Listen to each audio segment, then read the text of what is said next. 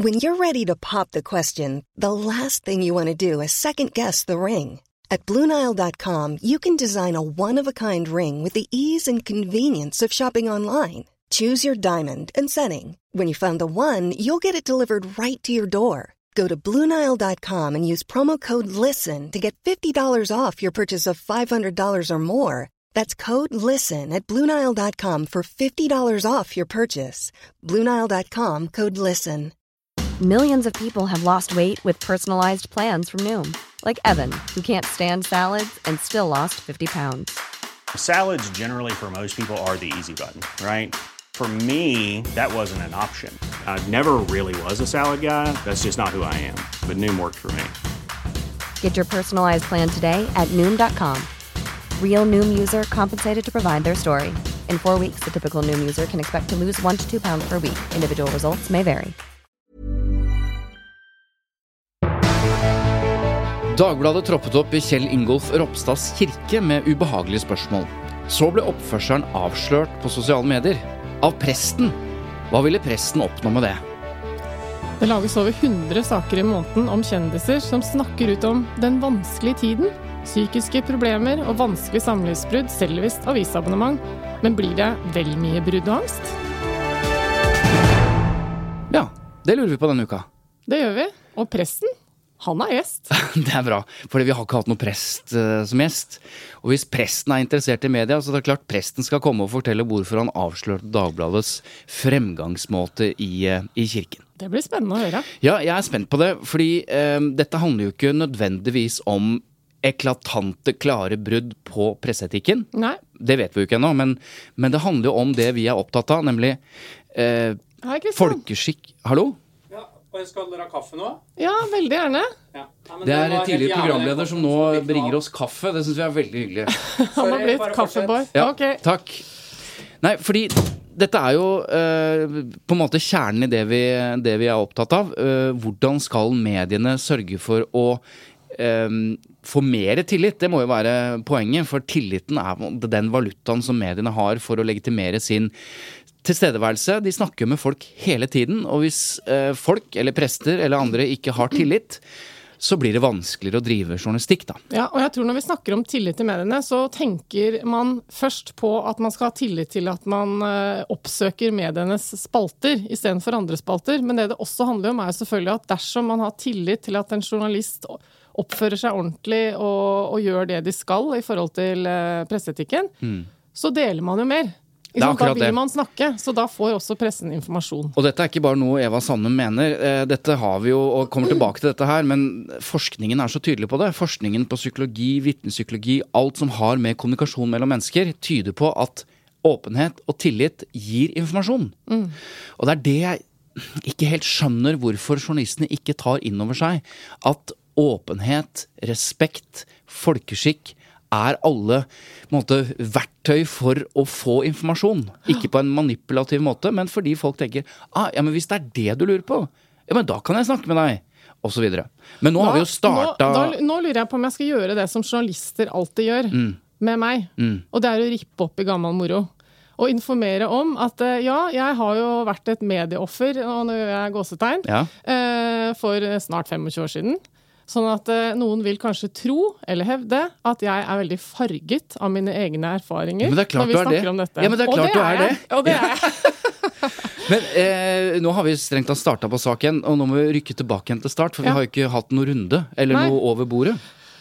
Nei, har du tenkt på noe denne uka her? Det Ja. har jo skjedd mye dramatiske greier. Ja, det, har det. det er nesten eh, vanskelig å vite hvor man skal starte. Vi har mista en statsråd. Ja, det var jo veldig dramatisk, da. Vi har jo ikke mista han, Nei, altså mista han ut av rollen. Ja, ja. Eh, Men eh, ja, det kalles jo allerede blitt Ropstad-gate, eh, dette. Ja.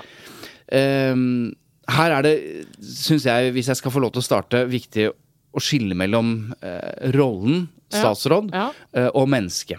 Ja. Og det høres jo Jeg sier ikke det bare for å høres sympatisk ut, men det er viktig.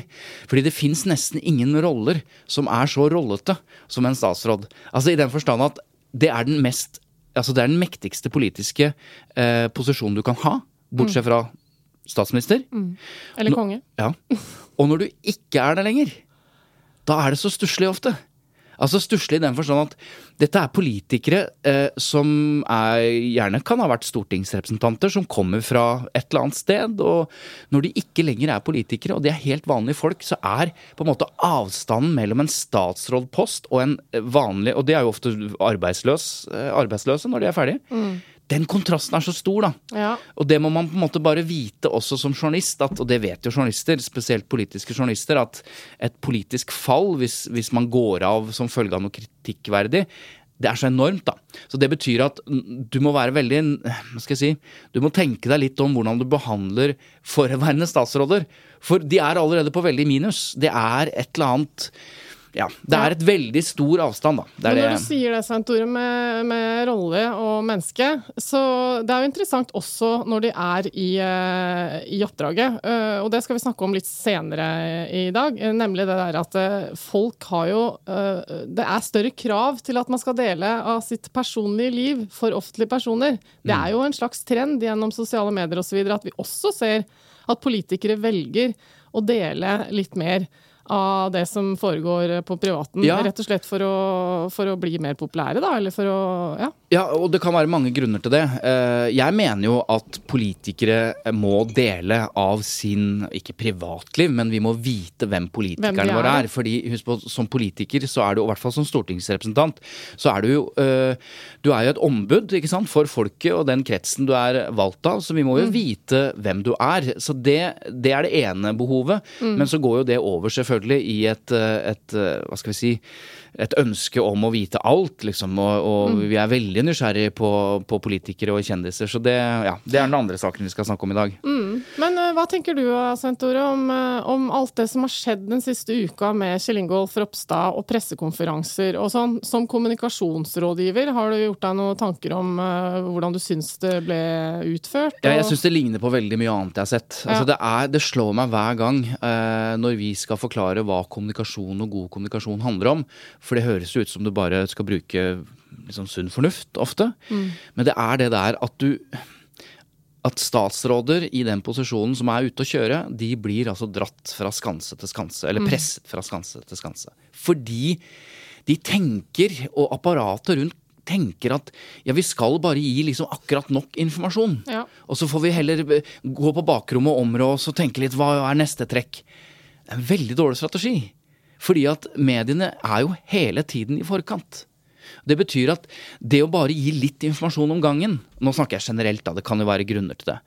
Det er veldig problematisk, fordi da, da virker det som du ikke er villig til å fortelle som, hvordan dette henger sammen med en gang. Altså, eh, Det er jo flere som har sagt vi kunne jo spart oss mange runder. Ja, Ikke- eller vi kunne tatt alt på pressekonferansen fredag istedenfor å vente til lørdag med å gå ja, av bare sånn. det i seg selv er det, det forteller jo selvfølgelig noe om hva som foregår ø, på bakrommet. Men, men jeg tror dette er en lærdom som alle statsrådavganger som har kommet som følge av kritikk. Sett deg ned når du er i starten av en krise, og tenk hva er det jeg kan fortelle nå? Og Mm. være åpen om, og bør være åpen om. Fordi det meste vil komme uansett. Selvfølgelig. Ja. Det kommer jo. Mm. Altså det, er, det er jo bare snakk om tid. Så hvorfor pine deg gjennom den ene pressekonferansen etter den andre, når du egentlig ja, og, det, og det høres enkelt ut, men i hvert fall fra et kommunikasjonsståsted Ja. Og fra et journalistisk ståsted, så er det sånn Kom igjen, da. Fortell alt med en gang. Men fra et menneskelig ståsted så har i hvert fall jeg reflektert litt over at her, det er så lett å sitte eh, og være etterpåklok og si at eh, hvorfor gjorde de ikke sånn, hvorfor sa de ikke alt med en gang, hvorfor gikk han ikke av på fredag, hvorfor ventet han til lørdag, hvorfor var han ikke ærlig om alt og sånn. Men det kan jo også være sånn som alle andre som eh, etter en krise forteller, vi trenger tid til å områ oss, vi trenger å finne fakta, vi vet ikke alle detaljer. Og dette syns jeg jo er et veldig godt eksempel på det. Det virker veldig troverdig for meg at det har vært litt usikkerhet her Ja om hvem er det som har betalt hva, hvordan var det, hvilket råd fikk jeg derfra, hvem er det som egentlig skal måtte ta litt skyld for dette. Det har jo sikkert vært veldig mange aktører her som har måttet informere om hva var det jeg sa til deg i den mailen da du ble bedt om sånn og sånn. Ja. Ikke sant? Så det er jo litt farlig å bare si ok, nå er det bare å gå av på fredag. Ja, og, og, og er det handler ikke nødvendigvis om konklusjonen av informasjonen du gir. At du liksom må ta den, du må ta den hatt og gå med en gang. Uh, og vi er jo tilbake til den posisjonen han har som statsråd Det er jo ikke bare sånn at du slenger inn håndkle, du er ikke fornøyd med jobben, bare finner meg noe annet å gjøre. Det er, en, det er den mektigste politiske posisjonen du kan ha ved siden av statsminister. Og da, klart, da, da skjønner jeg at det tar tid. Poenget mitt er bare at du må tenke alle de skrittene helt ut, og så ikke gjøre det porsjonsvis. Du må si med en gang 'jeg har en brygge', 'jeg har et uthus', 'jeg har en leilighet', 'jeg, Jeg har har en visst skatt'. betalt en uh, vaskehjelp eh, da jeg var yngre. Ja, og ikke vente, ikke vente til det står på fronten, Fordi da virker det som du er avslørt, istedenfor Ja, at du er ærlig. Det er det. Kontroll på narrativet. Men eh, apropos eh, Ropstad-saken. Vi har jo fått med oss en gjest i studio i dag. Velkommen til Tut og Mediekjør, Erik Andreassen. Tusen takk. Så gøy å være her. Så hyggelig. Ja, ja. Takk for at du tok deg tid. Eh, bare hyggelig. Jeg, jeg sa til noen eh, venner i deres bransje at jeg skulle hit, og de bare 'hæ, skal du, på, skal du dit?' De, var sånn, de virka sånn oppriktig sjokkert og sjalu. Nei, Jo, så jo, gøy. så jeg føler jeg kunne solgt den plassen min for eh, 30 000. Eller. Så de bare, altså, jeg burde det vært der. Hvorfor skal, du, hvorfor skal du på den podkasten? Ja, det var, de var sjokkert. Grunnen til at du er her eh, Du er jo altså pastor i Oslo misjonskirke Betlehem. Det er riktig. Og det er menigheten til Kjell Ingolf Ropstad. Og, og bakgrunnen for at uh, du er her, er jo at vi kunne se både på Twitter og på Facebook at du hadde et behov for å fortelle hva Dagbladet eh, og journalisten i Dagbladet hadde gjort og spurt om, og hele den framgangsmåten. Og det skal vi komme tilbake til, men la oss gå helt tilbake igjen til eh, når ble eh, Kjell Ingolf, eh, hvis vi kan få lov til å bruke fornavn, bruker du fornavn forresten? Jeg bruker for, ja, fornavn. Jeg gjør jo det, for han er jo en venn. ikke sant? Men, så det er vanskelig for meg å snakke om Ropstad, men jeg, ja, jeg kommer sikkert til å veksle litt. Men hva, hva var starten? Altså, eh, Han og familien har jo gått til kirka vår lenge, lenge før han ble berømt, si, eller ble kjent for eh, det norske folk. Eh, Og så ble jo han statsråd i 2019, og da fikk jeg et lite hint dagen før om at det kan hende noen tar kontakt med deg i morgen. Og så gikk det en halvtime etter at en ny regjering ble lansert, så, så ringte flere medier og spurte. Og det var også fordi at noen av rådgiverne hans også går hos oss. Og de kjente hverandre før de begynte å gå i kirka vår. og sånn. Så det ble på en måte hvem er denne maktklubben på Abelsø som driver og infiltrerer regjeringen? Eh, det var liksom litt den følelsen jeg fikk da. Så, så, så han har gått hos oss, og det har ikke vært noe hemmelig. Han er jo åpen om det, det noe, men det må jo han styre selv. Eh, og så mm, har Dagbladet vært lenge på han for å prøve å få være med han i kirka. Altså sånn, Der er kaffen klar! Der er kaffen klar. Endelig. Det var. Jo, men Christian, tusen takk. når vi var midt inne i kirkepratene. Ja, herlig. Tusen takk. Vi sier fra hvis det er noe mer. Gjør det. Takk. Hei. Hei. Ja, Sånn, sånn er det her i Tut og Mediekjør. Vi har en, i i et backoffice som Kristian sitter, så han sørger for at alt Da tar jeg kaffetuten, her, så gir jeg, meg, gir jeg kaffe til oss. Det er veldig fint. Det er jo en del av kirkekaffe. Altså, Jeg var prestas i militæret, og da var jeg jo bare mye kaffe og vafler. På... Dette kan Dette du. kan Nei, den var veldig dårlig, den kanna. Men det er greit. Vi Men får du klippe snakker bort noe her. Ja. Altså, eh, mens dere fyller litt kaffe Det er koselig, det. På, er det sånn at eh, Nei, ikke er det sånn. Eh, spørsmålet er hva slags erfaring fikk du da med pressen? Altså, den, eh, den gangen, tenkte du det? Når han Ja. kom ja altså, jeg, nei, jeg har jo hva skal jeg si, lært meg etter hvert at de ringer, og det har jo blitt mer, selvfølgelig. Etter at vi får en såpass profilert person i kirka vår, så har det vært mer av det. Eh, Da, men da har jeg jeg si, blitt, blitt fått forståelse for eh, hva, hva min rolle er da, som pastor. og jeg? En ting er hva jeg sier som og mener som privatperson, men når de spør meg om min rolle som pastor i kirka, så er det noe annet. Mm. Men, eh, men så vil jeg også si det bare først her nå, før jeg går videre på historien, at jeg har ekstremt respekt for pressefolk og mener at de har en kjempeviktig rolle i samfunnet vårt. Så eh, å, å presse på sitt beste er jo det i vår, i vår sammenheng snakker om altså de gammeltestamentlige profetene. altså De som avslørte, løfta fram, eh, kom med sannheten, kritiserte konger uten fare for eget liv, eller altså med fare for eget liv, og som bare liksom kjørte på. Mm. Nathan, for eksempel, profeten som avslørte David, da, kong David, som hadde ligget med nabokona, gjort henne gravid og drept eh, ektemannen. altså Det er ganske sånn Drøy, det er, drøy drøy, det er verre enn Ro- Ropstad-gate, tross alt. Eh, og, og, og, og Nathan bare kjørte på. ikke sant? Han måtte avsløre det, da, apropos. ikke sant? Eh, etter hvert, da. David. ikke sant? Eh, og og um, Det høres nesten ut som du har lyst til å bli journalist uh, sjøl, sånn som med, med den respekten du har nei, ja, nei, men jeg mener at de har en veldig viktig rolle, så, så de må ikke kødde til det oppdraget sitt. Det er jo mitt sant? poeng. da. Ja. Men, så jeg har veldig respekt for, for pressefolk. Også, men poenget er, Dagbladet spurte Kylling og har spurt lenge kan vi være med deg i kirka. Og så har han sagt det er et av de få stedene jeg går med som familie. eller det er jeg der som privatperson. Jeg har vært der lenge før jeg ble statsråd. Og jeg har ikke noe behov for at det skal eksponeres uh, hos dere. Så det har vært, hold ja, ikke sant? Det har vært holdningen. fristed, eh, Ja, det er fristedet hans. Ja. Ikke sant? Og her, der, hos oss er han Kjell-Ingolf. Altså, klart han er statsråd, men han bare går der som helt en av alle de andre. Mm. Uh, så har han svart nei til, nei til det, og de har respektert det.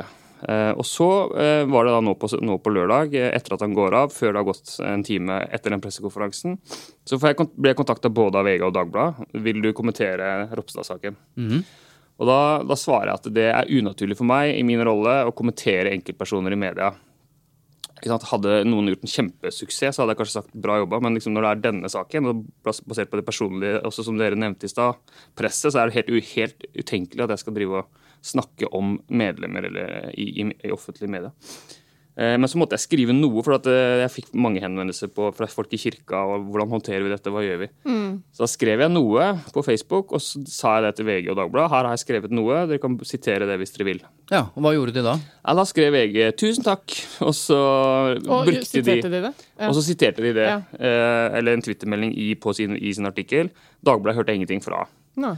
Eh, og, og, og det var også Og, og liksom VG sa tusen takk. Dagbladet-journalisten bare svarte Og jeg har ikke noe imot han, han er sikkert en veldig hyggelig fyr. bare for å si det. Men han svarte liksom Er du sikker på det? Altså, vi vil gjerne, Kan du ikke si litt om tilgivelse? Hvordan kirka håndterer mennesker i krise? Og så sa jeg altså, jeg skulle gjerne sagt noe om det, men det blir ikke naturlig for meg i min rolle, svarte jeg.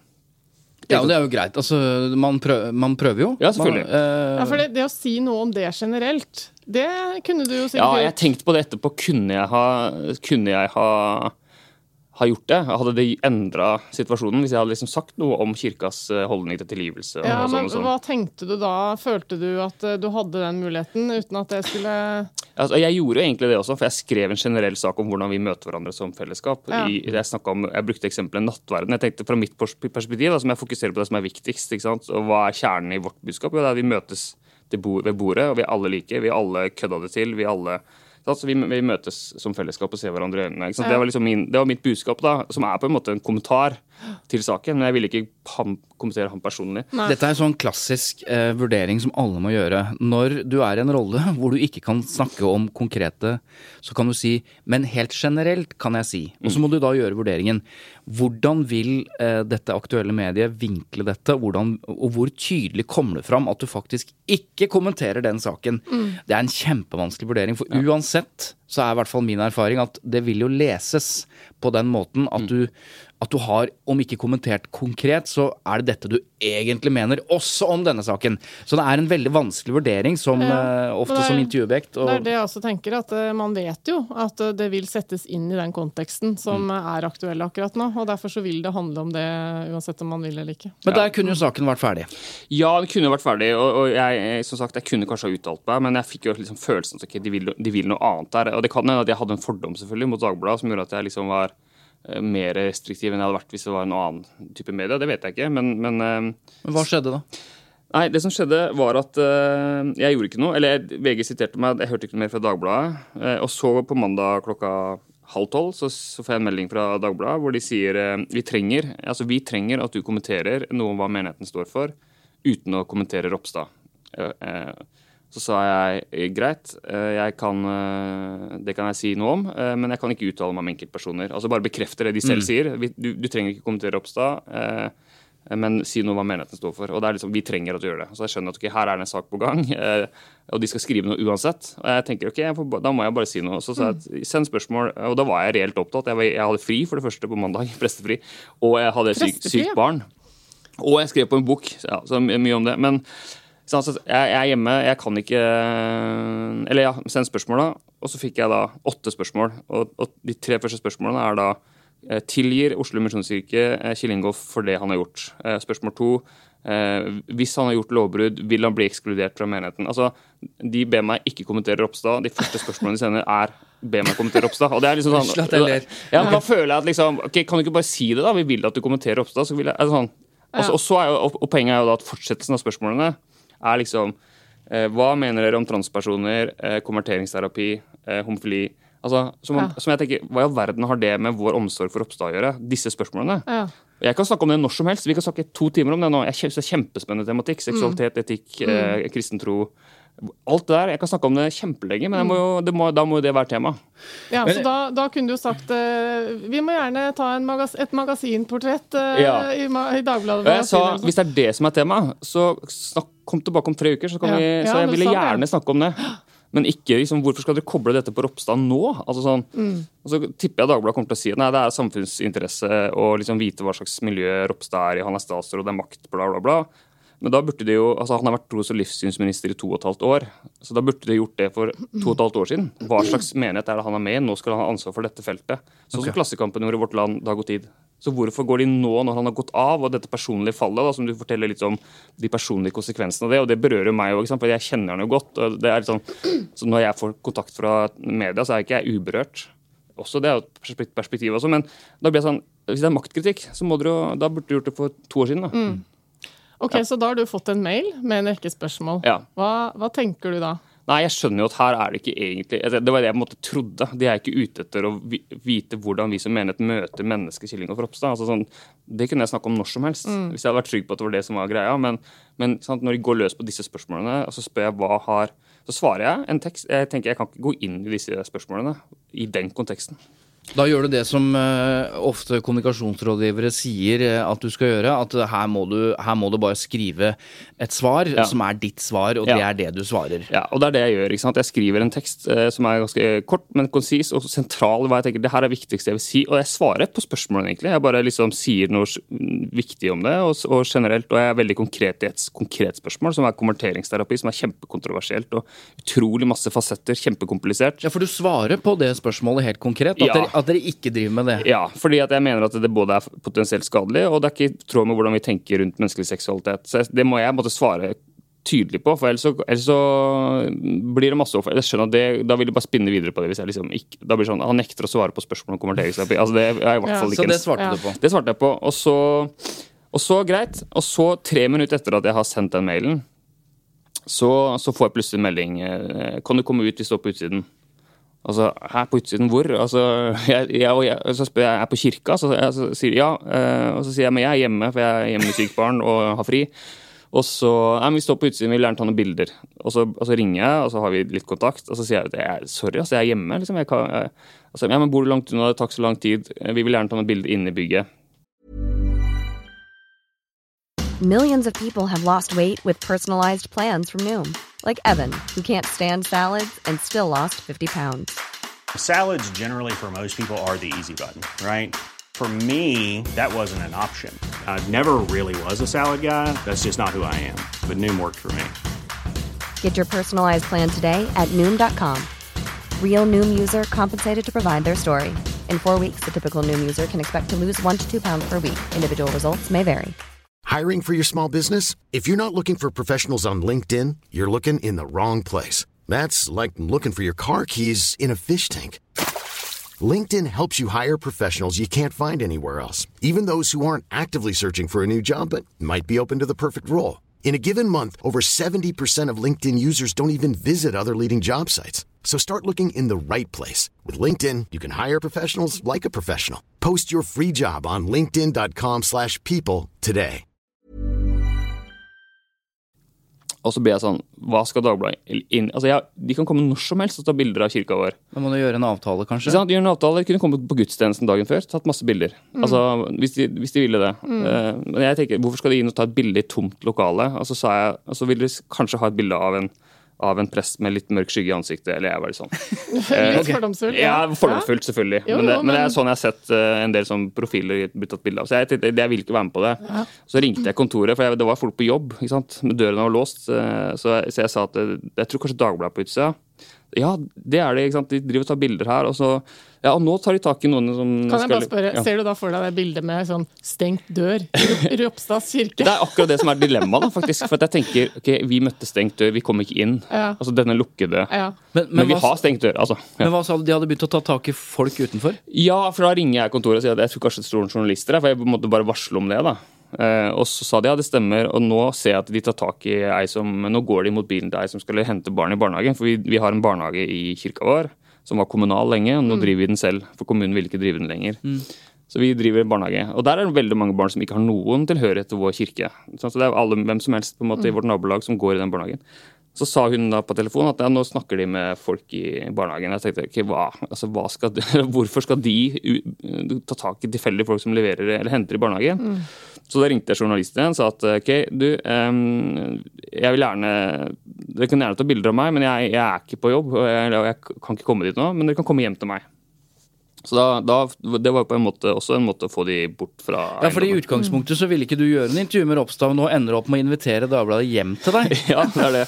Ikke sant? Og så sa jeg at det, er greit om du ikke tar bilde av huset mitt, og jeg vet ikke hvordan det bildet ender opp med å bli, men, eh, for jeg, sant? men Ja, for du ville ikke eh, ha ditt private Nei, jeg hus tenker på at. Hvorfor skal de ta bilde av meg jo- foran mitt eget hus? Altså, det har, eller har ikke noe verdi, på en måte. Jeg er ikke noe redd for det heller. Det er et fint hus. Jeg har tatt ansvar for å bygge det sjøl.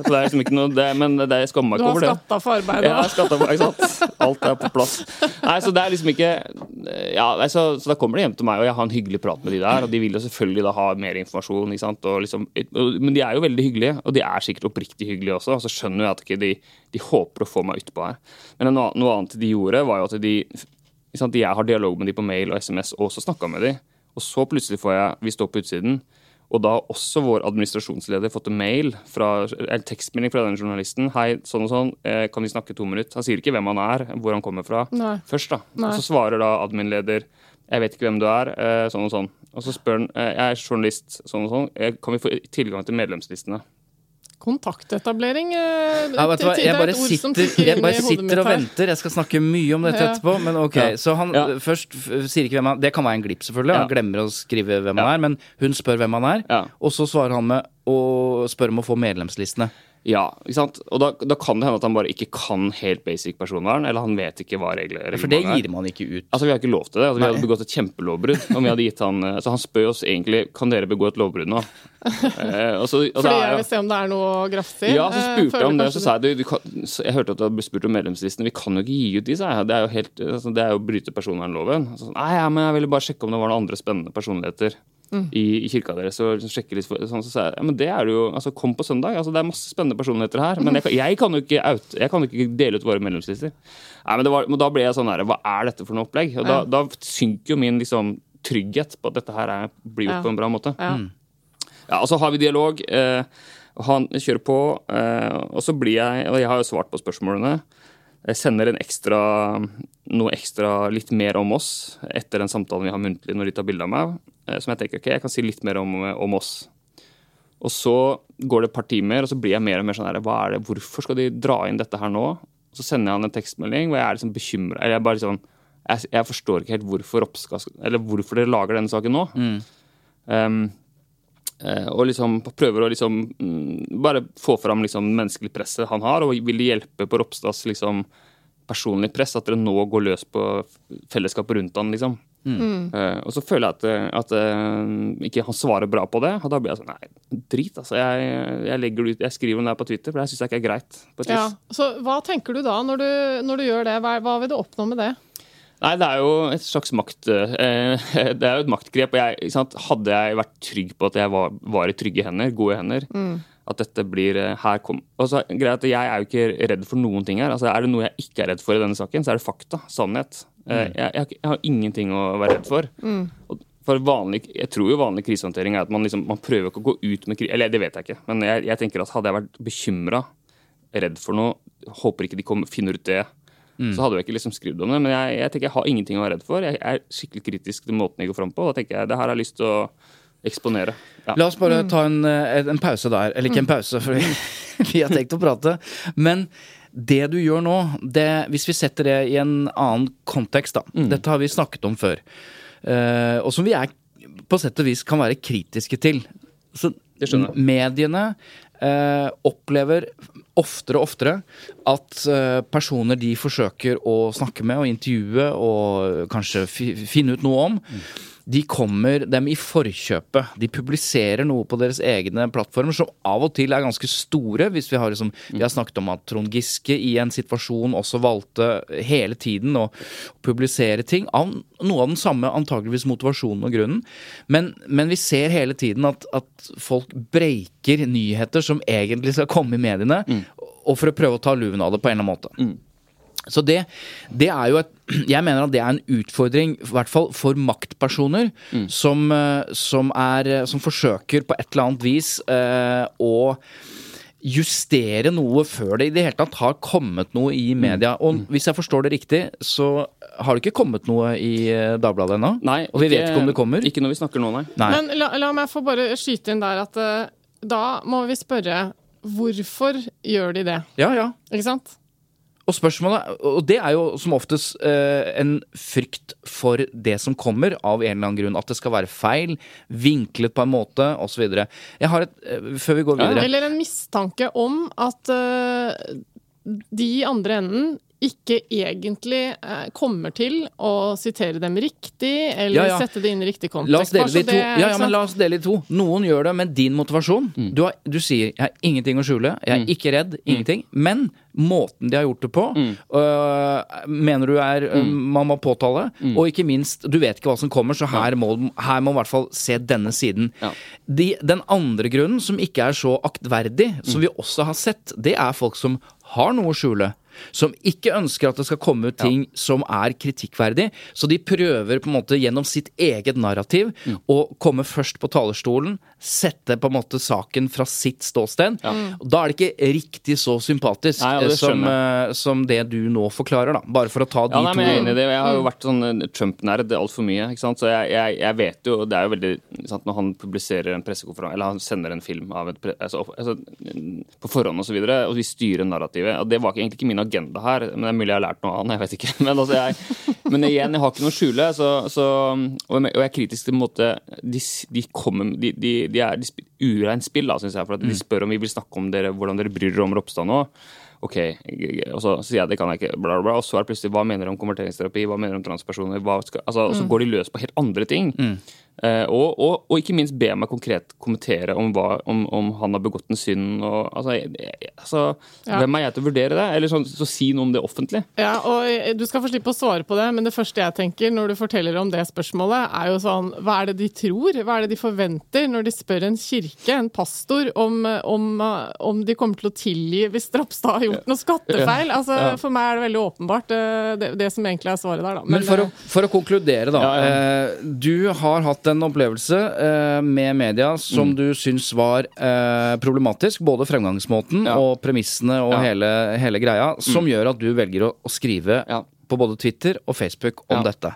Hva slags eh, reaksjoner har du fått på fremgangsmåten din, og hva du har gjort? Nei, altså jeg, jeg var, Det gikk jo litt sånn Etter hvert så fikk jo denne ganske god fart, den der Twitter-tråden. Jeg fikk en kamerat som har flere følgere enn meg til å dele den, og da tok det ganske fort av. da, så jeg sa Nå har den sett av 250 000 eller sånt, den Twitter-tråden. Så den fikk jo liksom mye oppmerksomhet og ble, ble skrevet om av folk som jeg opplever har peiling på faget, presse, og liksom hva som skjer her. Og så er det selvfølgelig sikkert lett å mislike Dagbladet. eh, Ja, det vet vi ja, at det er. Ja. Ja. Så det er jo noe med det òg, men likevel så, så tenkte jeg at uh, det her er, kan jo ikke være riktig måte å gjøre det på. Og, så jeg har fått jeg si, sånn sett bare heiarop i alle i, for det meste.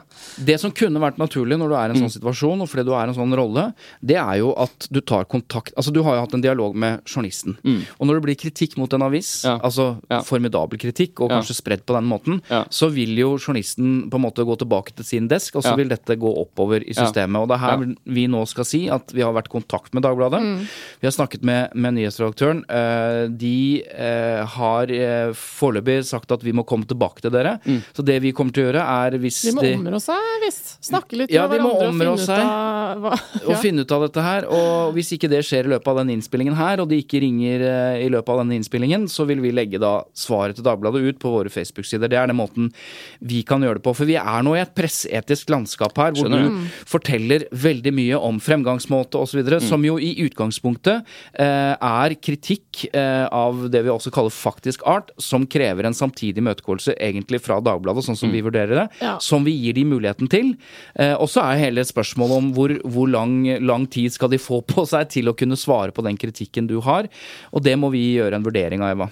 Men la meg bare få leke herr redaktør et lite øyeblikk, da, og si det som jeg tenker at uh, den personen kanskje ville si, og det er at eh, vi har å gjøre med en statsråd som eh, nå har vært gjennom eh, mye kritikk. Nå, gjort- vent litt, nå er du liksom Dagbladets Ja. redaktør. Nå skal du Ja. forsvare det du har gjort, ja. Mm? Han har akkurat eh, innrømmet at han har gjort noe feil. Han har gått av som statsråd og partileder. Det er naturlig at vi eh, skal eh, dekke et behov i befolkningen om å forstå litt mer av bildet eh, rundt Ropstad. Eh, eh, noe sånt. Ja, jeg hører du prøver godt her nå, men hva, har- hva har det med, kon det hva har det med konverteringsterapi å gjøre? Ja, det var et spørsmål jeg også stilte. Ja, nei, jeg er enig i det. Og jeg, og jeg, jeg kunne kanskje kontakta redaktøren hans, eller ringt han og sagt du, jeg, men jeg, Ja, for det var det som var spørsmålet. Du Ja. har ikke kontaktet noen Nei, jeg i har ikke det, og det kunne jeg kanskje gjort. Og så altså, skriver jeg- ikke navnet på journalisten, jeg skriver bare Dagbladet pluss. Så, sånt, Ja, ja. ja. Jeg vil også bare skyte inn her at eh, nå hører jo vi at du har en viss erfaring og, og gjør deg noen fornuftige resonnement osv. Men det å kontakte redaktøren hans Jeg tror for ganske mange så er det sånn Hvem er det? Ja, men det, vet Hvor hva? finner jeg nummeret? Ja, det er ikke så lett bare Nei. det for mange. Men dette rådet gir jeg gjerne helt gratis. Hvis du er i en situasjon hvor du, hvor du merker at dette er ikke greit, jeg blir ikke behandla godt av journalisten, det er ikke i orden det som foregår, ring redaktøren og si at nå har jeg forsøkt å snakke med journalisten, dette, dette virker ikke, jeg vil gjerne snakke med deg. Min erfaring er at alle redaktører er da lydhøre for det. De ønsker å komme i dialog med folk som oppfatter at de ikke blir godt behandla. Det er i deres interesse. Så det er et råd til alle. Ja. Og de har eh, veldig sjelden hemmelig telefonnummer. Det er bare å se på navn og bare ja, sende mail og ringe. Råd. Ring, jeg måtte ringe resepsjonen i Dagbladet her om dagen Jeg skal få tak i noen, da. Men det, er- Ok, du kan jo begynne der. Men, men jeg, jeg, jeg, liksom, det, det kunne jeg sikkert gjort. Og, og, men igjen, altså hvis, Dagbladet, hvis, hvis du da, redaktør Eva, sier at det, vi, det er interesse, samfunnsinteresse, bla, bla, bla, så kunne jeg sagt ja, men når som helst, ring. Altså, hvis de sier noe, ja, men jeg har prøvd å komme inn i den menigheten i mange år, men vi har ikke kommet inn. Ja, for det er jo De kan vel si det, for de har prøvd via Kjell. Ingolf. Ja, si, Men de har aldri spurt meg. Hadde de ringt meg og spurt du, vi har lyst til å lage en reportasje om kirka deres, så ville jeg sagt velkommen når som helst. Snakk med hvem som helst. Kom på en søndag, intervju alle dere vil. Snakk med alle som har vært medlemmer her de siste 16 åra, eller hva som helst. Altså, Ja. Og da sier jeg som redaktør at det, det høres jo fint ut. Vi vil veldig gjerne komme når vi vet at Ropstad er der. Ja, det sånn sagt, da, må du, ja da, må, da, må, da må jeg si, da må du kontakte Ropstad og spørre om han er interessert i det og måtte være i denne sammenhengen som privatperson og bli fronta hos dere. ja. Men at, men at Men han, han er medlem ikke. hos oss, det er offentlig, for det har han sagt selv. Unnskyld? Er Han vil ikke. Nei, for at han, er, det er, han går der med barna sine og med familien sin, og han har lyst til å være privatperson i den settingen. Og han skal være der også når han er ferdig som statsråd, så, så ja. Ok, så hva kan vi lære av denne saken her? Jeg har lyst til å bare knytte noen kommentarer til presseetikken her. Eh, presseetikken er jo sånn at eh, du har både et etisk ansvar for fremgangsmåte og for publisering. Så er bare, altså Presseetikken er ikke bare knyttet til det som kommer i media, men også det som du har opplevd. Absolutt. Og så tror jeg, eh, jeg skal, vi, skal ikke felle noe dom over det presseetiske framgangsmåten her, men det som har vært min kjepphest, og som vi har snakket mye om, det er eh, det vi også snakket litt om i stad, kontaktetableringen. Eh, når man hører historien din, og vi ser litt hvordan denne kommunikasjonen har vært, så slår det meg igjen. Hvorfor kan ikke journalister og mediene eh, istedenfor å ha en sånn selvrettferdig, halvaggressiv holdning selv om det er noe maktkritisk de skal avdekke, istedenfor å ha den inngangen. Hvorfor kan man ikke være helt ærlig fra starten av, åpen om premisset for saken, hva vi skal snakke om, eh, om spørre om vi kan, ha, kan vi gjøre en avtale, og grunnen til det er sånn og sånn og sånn og sånn. Men her opplever jeg da rett og slett at for det første så går det jo kjapt fra eh, kan dere tilgi han til konverteringsterapi? Hvilket er sånn rart. Det er to veldig ulike saker. Og det andre er sånn eh, Vi vil gjerne komme. Hei, nå er vi her.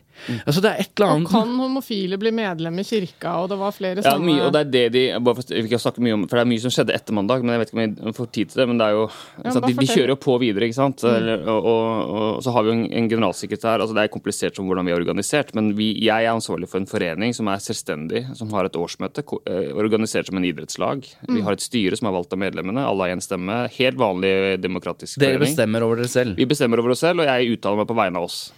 Eh, Så har vi også et kirkesamfunn som vi tilhører, men, men eh, det, det er på en måte ikke som andre kirkesamfunn hvor de kan liksom si noe på vei. Altså Vi er selvstendige, men vi tilhører et kirkesamfunn.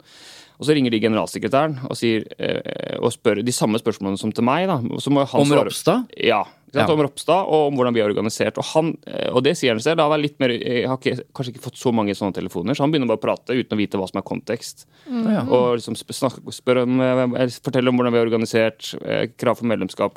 Og så er det sånn, ja, det handler om Ropstad-saken. Det kan jeg ikke jeg uttale meg om, sier han. Helt riktig. Sånn ute i samtalen en gang. Ikke sant? Ja. Ute i samtalen en gang. Og så, og så sier han noen ting da på direkten, som når han får sitatsjekk på det dagen etter, så, så, så ser han at her har jeg sagt noe som ikke stemmer, og som er veldig potensielt kontroversielt. da, For han, sier, han, er, han uttalte seg veldig kjapt og teit eh, om noe. Som jeg tenker, eh, Så ser han det på sitatsjekk, eh, og han sender et videre til meg òg. Jeg tenker, vi, må, vi kan jo snakke sammen, vi. Som måtte, for begge, Ja, for for uansett så klart vil å det bli klistra til oss. Ja, Han ber om sitatsjekk, og så Ja. får han det, og så ser han at her er feil. Det stemmer jo faktisk ikke. Og det, og det han blir spurt, på, da, spurt om, er liksom eh, Kan homofile bli medlemmer? Og da svarer han nei. Men det er jo selvfølgelig kan de det. Altså, det er- det er overhodet ingen betydning. Seksuell legning, kjønnsidentitet, hva som helst. Det har ingen betydning. Og vi, det er ikke tema engang. Samlivsetikk er noe annet. altså type Hvordan man organiserer samlivet sitt. Det betyr noe hos oss og i alle 95% av verdens kirker. Men så, så ser man at det her er jo ikke riktig, og så, og så får han rett, og så får han på en måte og så sier de ja, men det er jo riktig sitat. Ikke sant? Det er jo, vi har jo sitert deg riktig her. Altså, og så må man prøve å rette seg opp, og så må man ringe og presisere det her er feil. Det er ikke sånn vi gjør det.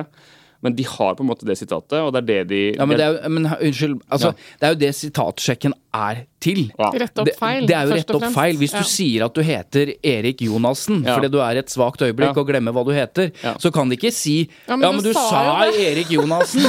Altså, det er jo det Nei. sitatsjekken er til. Det er jo rett opp feil. Og det kan det hende de gjør, med poenget at det er den de har gått videre på, og som de har da kjørt meg på. Ikke sant? Det Er dette et tema sånn og sånn? Ja, for da fikk du spørsmål Ja, eh, fra basert på hans svar. Er, er legning et tema ved opp- medlemsdeltakelse? Så svarte jeg, og da visste ikke jeg at de hadde hadde spurt han om det. Og da sa jeg at selvfølgelig er ikke det tema. Aldri skjedd. og Det er ikke, det er ikke, det er ikke, det er ikke tematikk i det hele tatt. Men det som er interessant da, er at jeg sier til da, min kollega generalsekretær at du må, du, må, du må Nå har det vært masse fram og tilbake, du har ringt og prøvd å presisere hva du mener. Så sa jeg at du må be om å få se sitatene dine i sammenheng, sånn at du vet at du kjenner deg igjen i det som de kommer til å sitere deg på. Og jeg sender SMS til journalisten, får svar med en gang. Han sender SMS til journalisten, har fortsatt ikke hørt noe to dager etter på å få disse sitatene tilsendt mens de jobber med saken. Så det virker som at de Min, min hunch, da, det er jo mulig det er en fordom, men det er at de, hvis de vet at de, hvis de gir hans, hans sitater i sammenheng og gir han muligheten til å kjenne seg igjen, så får de ikke den saken de trenger. Og Derfor så gir de ikke han respons. Nei, dette er jo antakelser, nå er ikke de det er- nei, til å svare for det, men uh, Hvorfor svarer de meg, og hvorfor svarer de ikke han? Nei, det er jo et betimelig spørsmål. Eh, Det som eh, Altså, det som er viktig å vite her, er at hvis Dagbladet har en fornemmelse eller mistanke eller tro at han egentlig sa det som er sannheten Riktig. For det er jo Han sa jo, Ja. Han sa jo ja, men mener nei. Så kan jo de tenke at nå forsøker han å redde seg, men Det kan være. Så det kan jo hende, og, og hvis det er sånn, jeg vet ikke det, hvis det er sånn at dere ljuger, Ja, ja. Eh, så, eh, så vil jo Dagbladet forsøke å finne ut Ja, men de sier en For det skjer jo ofte. Ja, ja. De sier én ting, så praktiserer de en Ja, ja. annen type. Ja, ja. Så der er det på en måte en legitim interesse. Men, men hvis, når alt dette er oppklart De Ja. må jo finne ut av dette her. Det er derfor jeg tror saken drøyer, da, for at de prøver å finne ut av det. Okay. Sorry, Ja. men, eh, Nei, nei, men eh, det og, er, og da tror jeg. Jeg vet jo ikke nå hva saken blir, men jeg tror at ikke, de, har, de får ikke den fete vinklinga som de ønska. At uh, Ropstads eh, menighet eh, nekter transfolk å bli medlem. Altså, de får ikke ulovlig Men du hadde en følelse da jeg snakket med deg i går, om at eh, det var det de jobba Du Mm. ja, så for det var, deg den overskriften? jeg så det sitatet som han hadde gitt, som var feil. altså man, som han så det her, Sånn her er jeg faktisk ikke praksis. Ja. De kan spørre alle som har blitt medlemmer hos oss, hvis jeg kunne gitt ut personinfo. I, det, det, det eksisterer ikke. Mm. Så, så det at han eh, Så, så, men, men, så de kjører på, da. Ja. Så bare si det. Når Svein Thor sier at uh, man kan be om å få se sitatene sine i kontekst. I, I henhold til presseetikken så er ikke det et krav man har. Eh, Eller en rett man har, nei. Eller en rett man har. Eh, men det som skal sies, er jo at når det gjelder premissene for et intervju, så er det lurt å tenke på det ved første etablering. Mm. Første gang man snakker med journalisten, så kan man jo si det at eh, dette er såpass betent, jeg er såpass usikker. Mm. Jeg vil veldig gjerne, når jeg får sitatsjekken, at jeg også får se det, eh, hvordan sitatene fremstilles i hvilken sammenheng. Hvis Mm. man ikke vet det. Her mistenker man jo at det er i sammenheng med Ropstad og hvis man gjør en sånn avtale, så må den avtalen holdes. Ja, og der, bare si det også, det, det kan journalisten si nei til. Altså, De eh, har et intervju, de eier da etterpå det intervjuet på et vis. Eh, men da kan man også si nei, men da er jeg såpass utrygg at da vil jeg ikke uttale meg. Og så får man gjøre en slags Og han har jo sagt det, eh, min generalsekretær Venno, at eh, jeg har ikke så mye trening i det. Jeg har sagt det til Dagbladet, så jeg, jeg trenger og Det her er viktig for meg at det blir riktig. Mm. Og så hører han ikke noe. Så, og det lurer jeg på hvorfor han ikke gjør. Ja, det er, eh, det er også noe vi gjerne skulle Mm. spurt Dagbladet om hvis de var klare til å, å svare. Men bare for å understreke det før vi går videre til neste sak. Det er altså, selv om det er et godt råd at, Mm. du, skal gjøre, at du selv prøver å gjøre noen premisser klare for et Mm. intervju,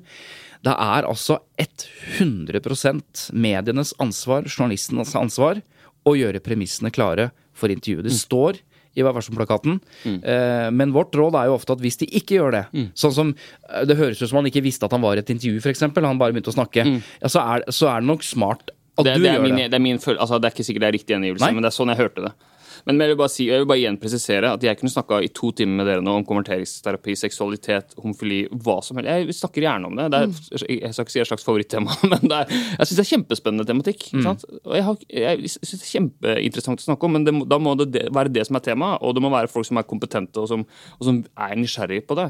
Så, ja. så hvis, man, hvis man vil koble det til Ropstad, bare sånn så det, det gidder jeg ikke. Ja, nei, det, altså jeg får jo masse eh, tanker eh, fra egne erfaringer. Jeg skal bare kjapt fortelle en historie, for det er tre ord som er felles her. Kirke, konvertering og kjent person.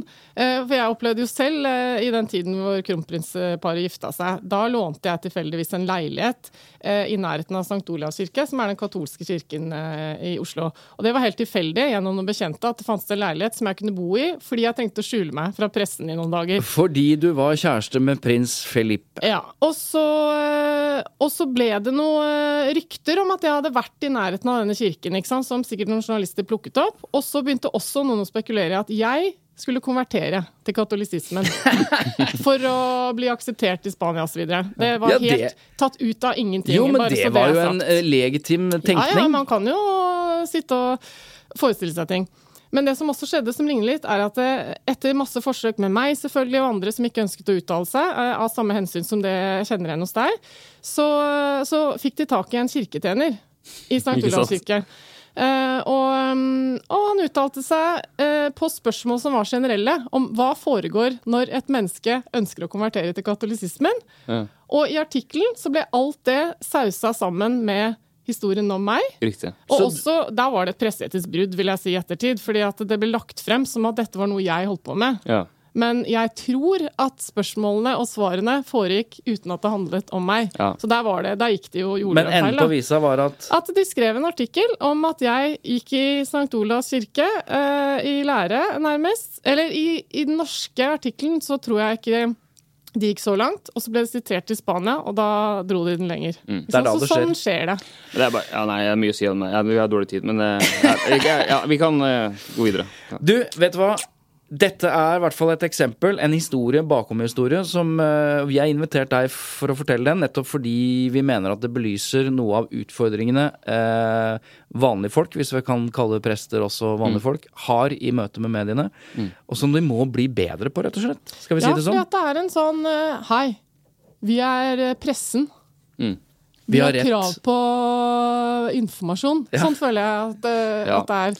Ja. Istedenfor å ta en litt annen Ja, tone. igjen, altså, Hadde de tatt kontakt når som helst ellers og sagt vi vil lage en reportasje om dere, så ville jeg sagt fantastisk, velkommen. Altså, det er altfor lite kunnskap om frikirkelig menighetsliv i norske samfunns... Altså, Kom når som helst. Ja. Ikke sant? Eh, Alle medier kom når som helst.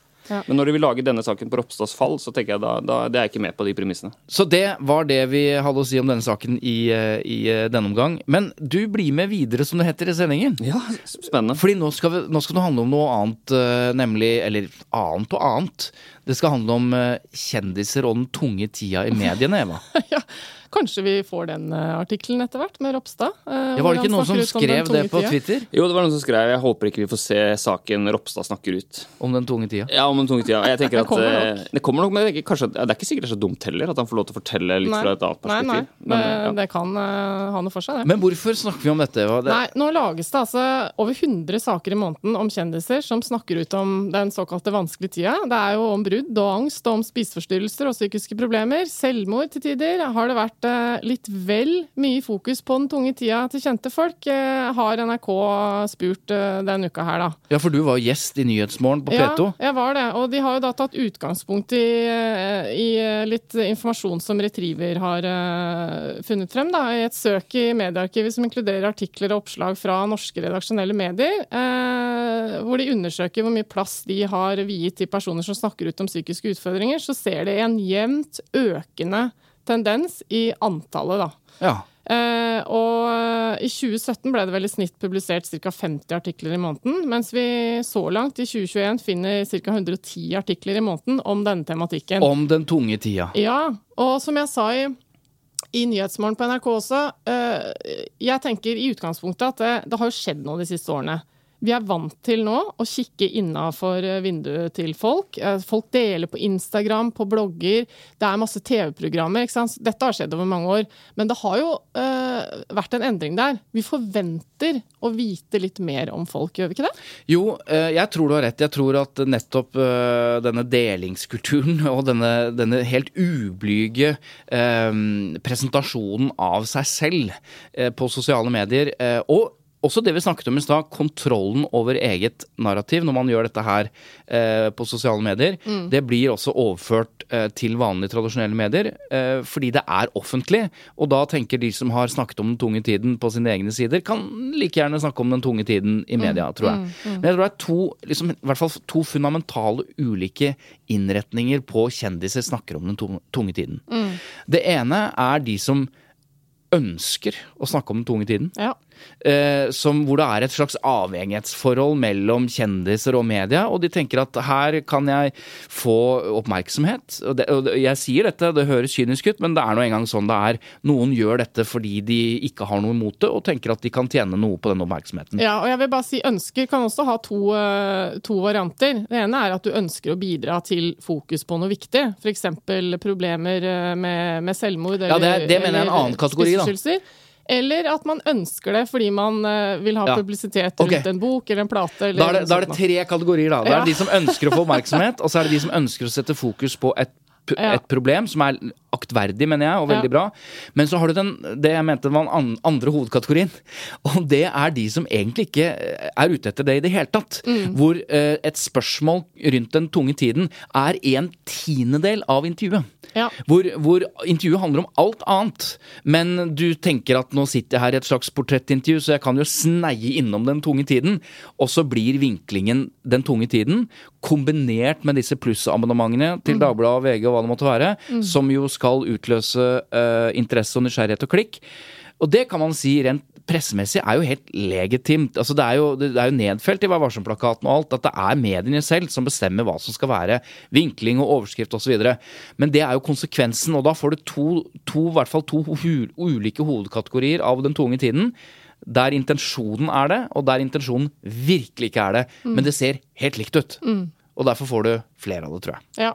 Og det er jo ofte et langt intervju. Kanskje man er gjest i en podkast, snakker om livet eller et eller annet eh, helt annet, og så er man bare kort innom. Eh, apropos, da var jeg i en vanskelig tid, så derfor sånn og sånn. Og så blir det tatt ut av den sammenhengen det er sagt i, eh, og publisert som artikkel et helt annet sted. Det syns jeg også er noe av det som er verst med det. Fordi at veldig ofte på nettaviser så ser man jo mm, oppslag med, med store titler om den type ting. Og så er det ikke sikkert man engang eh, går eh, bak, eh, bak muren, som man sier. Eller Nei. gidder å lese artikkelen. Da har man bare fått med seg denne tunge tida. At noen bretter ut den tunge tida. At alt er så vanskelig, og jeg ble nesten schizofren etter dette bruddet osv. Og så helt nederst så får man kanskje med seg at dette ble jo sagt i en helt annen sammenheng. Det syns ikke jeg egentlig er greit. Jeg lurer på hva presten mener. Altså, Vi har fortsatt med oss pastor i Oslo misjonskirke i Betlehem, Erik eh, Andreassen. Eh, hva, hvordan ser dette ut fra et eh, nysgjerrig mediebrukerperspektiv? Det er spennende. Jeg også synes det her, jeg får lyst til å klikke på de sakene, kjenner jeg. Så, men jeg merker jo at jeg, har mer liksom, sympati for det når det er noen som vil sette fokus på en sak, eh, type Else Kåss Furuseth som setter fokus på selvmord, eller enn når noen snakker om en tung tid, og så skal de like etterpå gi ut en sang som ikke har noe med det å gjøre. Altså, sånn, hvor det, hvor det, det er jo en slags vurderinger der. Og så tror jeg det er en sånn Vi har behov for å vise at vi er normale, i hermetegn. Det er sånn, så, vi, men også kjendisene snakker jo alltid i fortid, stort sett. Så de, de kommer ut av det ofte som slags seierherrer. Jeg hadde angst, men nå har jeg det ikke lenger. Eller Ja. jeg var gjennom den tøffe perioden, men nå har jeg kommet gjennom. Så det er en slags seier, nok en suksesshistorie på et vis. Ja, det er, Um, det er et viktig poeng. Det ble også gjort et poeng ut av på den artikkelen hos NRK som vi kan poste på Facebook-siden vår, da. Ja. Hvor eh, flere psykologer påpeker akkurat det du sier nå. Ja. Så tenker jeg på en kollega av meg, for i vår, tra- i vår tradisjon og sammenheng så er det også vanlig sant, å møtes og, og dele liv, på en måte som vi kaller det.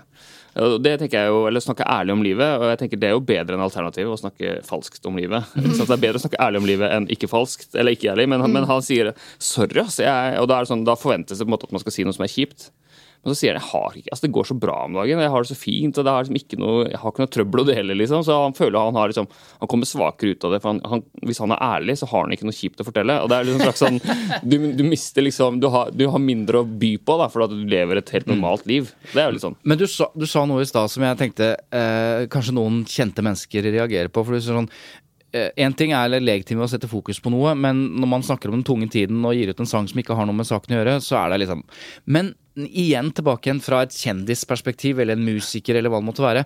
Det kan jo nettopp være den kategorien hvor de ikke hadde tenkt å snakke om den tunge tiden. De snakker 95 Ja, ja. om den plata eller om den filmen, men så sneier de innom, Absolutt. og så blir det vinklingen. Og det som er så fortærende, tror jeg da, som kjent person, er jo at det fremstår jo som du selger din egen tunge tid Ja. for å selge boka eller plata etterpå, men det er jo da bare en konsekvens av at mediene velger å vinkle på den måten. da. Ja, og Det, det syns jeg er kjempebra, viktig perspektiv, selvfølgelig. Og jeg vil bare si at et godt råd, for i min rolle liksom, Hver søndag så står jeg og snakker til ikke hver søndag, men snakker til kirka vår, og det publiseres offentlig. og sånn, Så jeg også må helt vurdere hva skal jeg dele av en personlig historie. Når jeg er privat, når jeg er personlig. Når snakker jeg om barna mine? ikke sant? Da må jeg klarere med de først, hvis jeg forteller en morsom historie osv. Så, videre. så, så det, jeg må helt vurdere disse tingene. Og etter denne bataljen med Dagbladet og Twitter-tråden som er lest av 250 000, så er du Ja. jo nå en kjendis å regne, Erik. Ikke Så nå må du tenke veldig Vårt Land kåra meg som nesten-influenser i fjor, så jeg tenker kanskje jeg nå kommer opp på influenserlista til Vårt Land. Det er stort.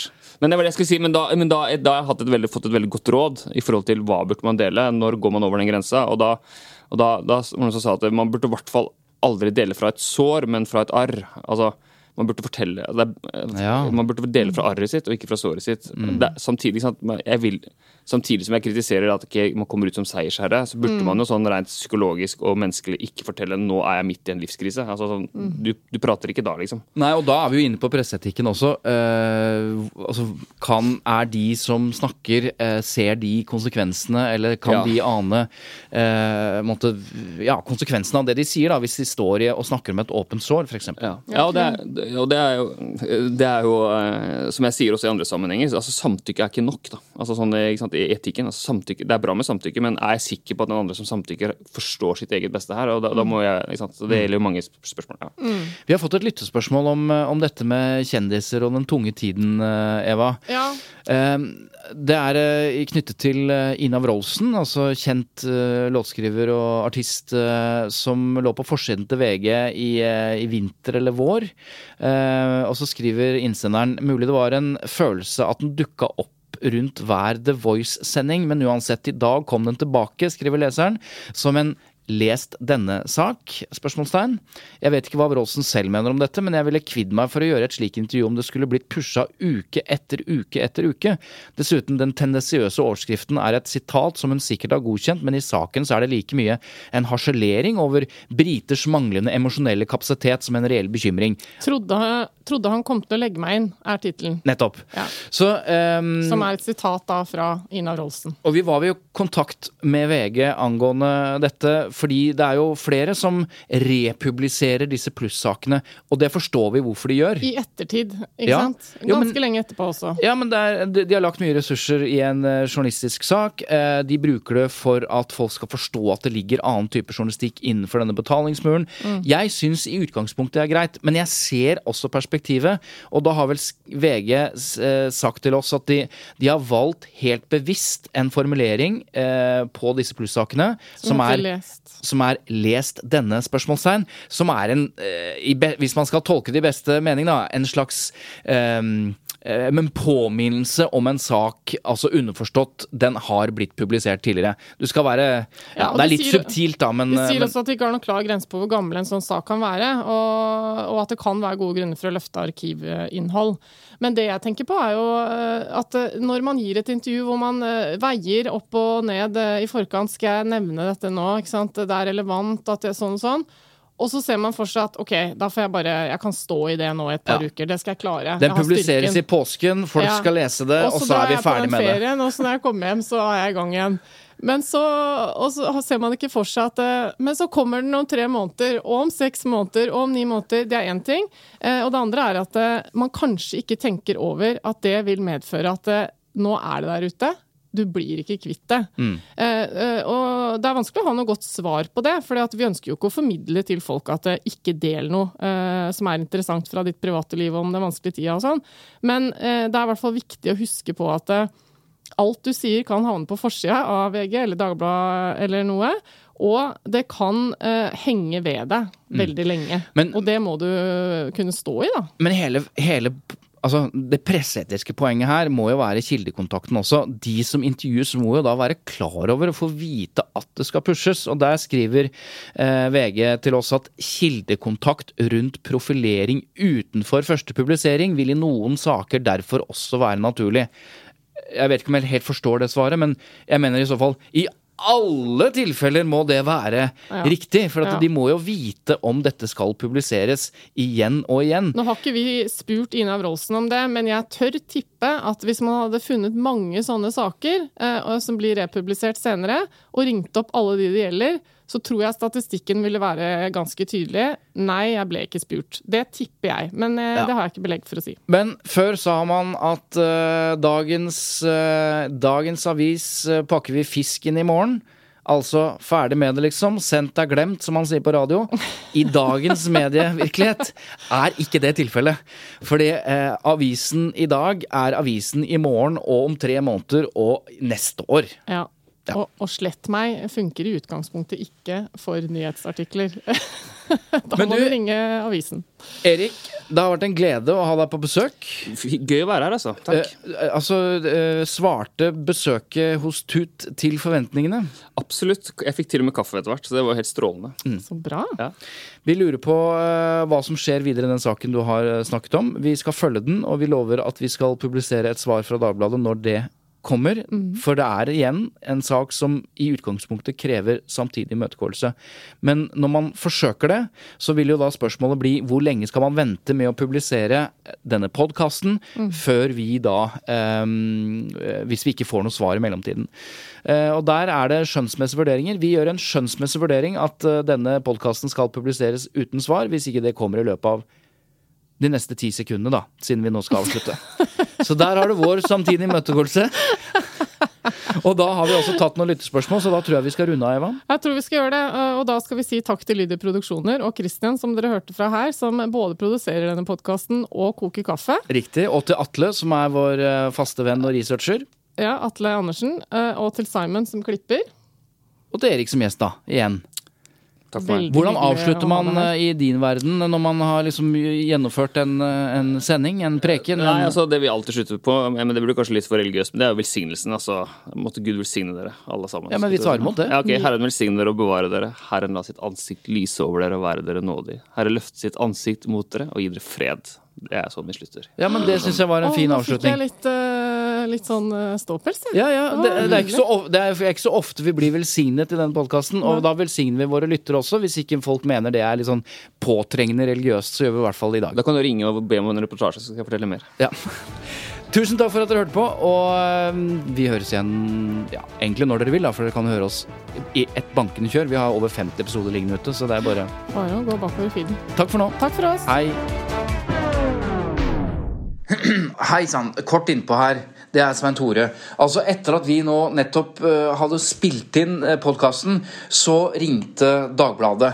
eh, eller vil si ikke hele avisa, da, men eh, han som er ansvarlig for kjendisdesken i Aller Media, som jo Dagbladet er en, eh, en del av, Jonas Jørstad. Og da spurte jeg han da hvordan han eh, ville kommentere kritikken fra gjesten, presten vår. dette er jo eh, Jeg har respekt for det. Det kan være tøft å, å, svare på spørsmål fra presten, men så vidt jeg forstår Andreassen, så har jo Dagbladet vært hyggelig og, og, og høflig i sin eh, tilnærming til han. Så eh, hvis han har noe videre kritikk eh, eller vil utdype den fremgangsmåten da, som han har referert til på, på Facebooken sin, så er han selvfølgelig velkommen til å ta eh, kontakt med både meg og eh, Dagbladet for å utdype det. Er det noe ved det han skriver som, eller noe av det dere har gjort som du tenker kan være ja, grunn til å ta noe som helst form for selvkritikk for? Nei, det tenker jeg ikke. Eh, Nå er jo dette upublisert materiale, så det blir liksom vanskelig å, å svare spesifikt på, på saken. Men eh, det tenker jeg ikke Hvis vi går på, på en måte fremgangsmetode, så, så, er det ingenting som, som vi mener vi skal, kan ta noe selvkritikk for. Nei. Han sier jo at han gjorde helt klart at han ikke kunne kommentere Ropstad eller noen enkeltpersoner. Um, og ber om å få spørsmålene. Så er likevel spørsmålene bare om det. Er det vanlig? Ja, øh, det er jo vanlig å spørre flere ganger øh, hvis man øh, ikke får svar på første forsøk. Så det er jo en del av den journalistiske metoden og intervjuteknikken at man selvfølgelig kan stille ett spørsmål flere ganger. Det er ikke noe sånn eh, det er ikke sånn maks én gang eller maks tre ganger eller noe, noe, regel på det. Så det tenker jeg må jo være greit. Han kritiserer også at det er manglende at premisset ikke er klart. Fordi eh, han sier at han ikke vil snakke om Ropstad, han skjønner at dere vil snakke om Ropstad. Men så kommer det opp spørsmål som ikke handler om det i det hele tatt, som ikke er, som ikke er avklart, nemlig om konverteringsterapi osv. Hvorfor, hvorfor blir ikke premissene gjort klart at det skal handle om noe helt annet også? Nei, altså Premissene er jo klarlagt uh, i, den, i, den, grad at uh, vi har villet gjort en sak om Ropstad og, og menigheten. Uh, og så er det jo sånn at Dette er en menighet som Ropstad har vært helt e- åpen om at han er en del av, og, tidligere uttalt seg om det i offentligheten. og eh, Da Ropstad ble barne- og familieminister, så var jo to og tre rådgivere fra denne frikirka. Og så vil det jo alltid være en aktualitetsknagg som gjør at man kan begynne å skrive om personer og institusjoner eller som, som nødvendigvis ikke var så interessant å skrive om i går. og dette er jo en av de største politiske avsløringene på lang, lang tid. Eh, Erik Andreassen tok jo selv til Twitter og, og, og kommenterte avgangen til Ropstad. Eh, om ikke direkte, så i alle fall på, på metanivå. Og jeg tenker at eh, dermed således eh, åpna den døra til å bli kontakta om, om, saken da sjøl. Eh, det er jo ikke sånn at, eh, at man nødvendigvis fremlegger alle spørsmål man har til en sak i den initierende kontakt.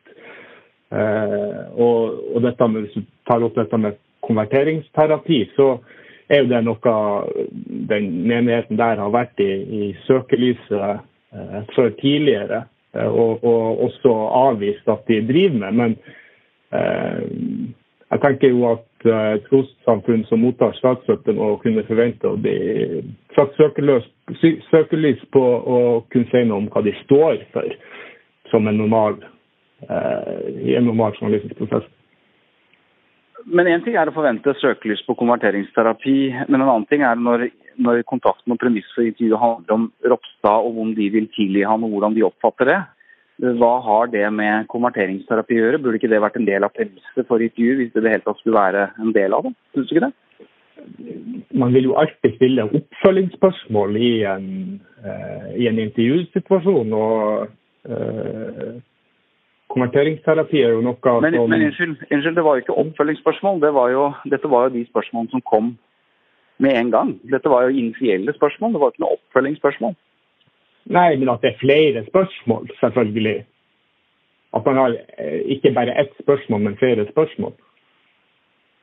Det er jo en helt vanlig uh, Andreassen sier også at uh, Andreassen sier også at uh, dere spurte dere spurte menigheten om de kunne gi ut lister over de som var medlem der som jo er et brudd, et, i så fall et lovbrudd, hvis de hadde gitt det til Dagbladet. Var Dagbladet klar over at de ba menigheten om å begå et lovbrudd da de ba om disse listene? Jeg tenker Dagbladet går jo selvfølgelig bredt ut uh, når man søker informasjon, og, vil jo uh, belyse en sak så, så bredt som mulig. Hvis og så slik at det ikke er lov å gi ut disse medlemslistene, så er jeg selvfølgelig glad for at Andreassen ikke har gjort det. Spørsmålet var egentlig om Dagbladet var klar over at det er ulovlig å gi ut altså Dette er jo eh, helt vanlig personvernlov. altså var, var ikke Dagbladet klar over at det er ulovlig å gi ut lister over hvem som er medlemmer i menigheten? Det var spørsmålet. Nei, som jeg sier, at uh, vi går jo bredt ut og søker etter informasjon for å belyse sakene som vi, vi skriver om. Uh, og så må det jo være opp til de vi kontakter og eh, bidra med den informasjonen. Nå gjør jeg meg vanskelig. Jeg, jeg spurte ikke om dere gikk bredt ut eller ikke gikk bredt ut. Jeg spurte om dere var klar over at det er ulovlig å gi ut de listene. Det har jeg ingen kommentar til.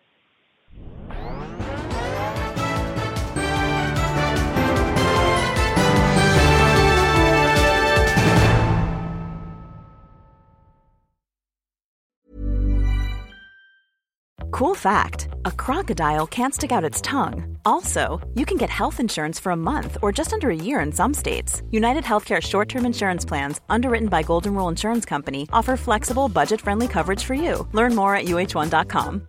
Imagine the softest sheets you've ever felt. Now imagine them getting even softer over time. That's what you'll feel with Bowl and Branch's organic cotton sheets. In a recent customer survey, 96% replied that Bowl and Branch sheets get softer with every wash. Start getting your best night's sleep in these sheets that get softer and softer for years to come. Try their sheets with a 30-night guarantee. Plus, get 15% off your first order at bowlandbranch.com. Code BUTTERY. Exclusions apply. See site for details.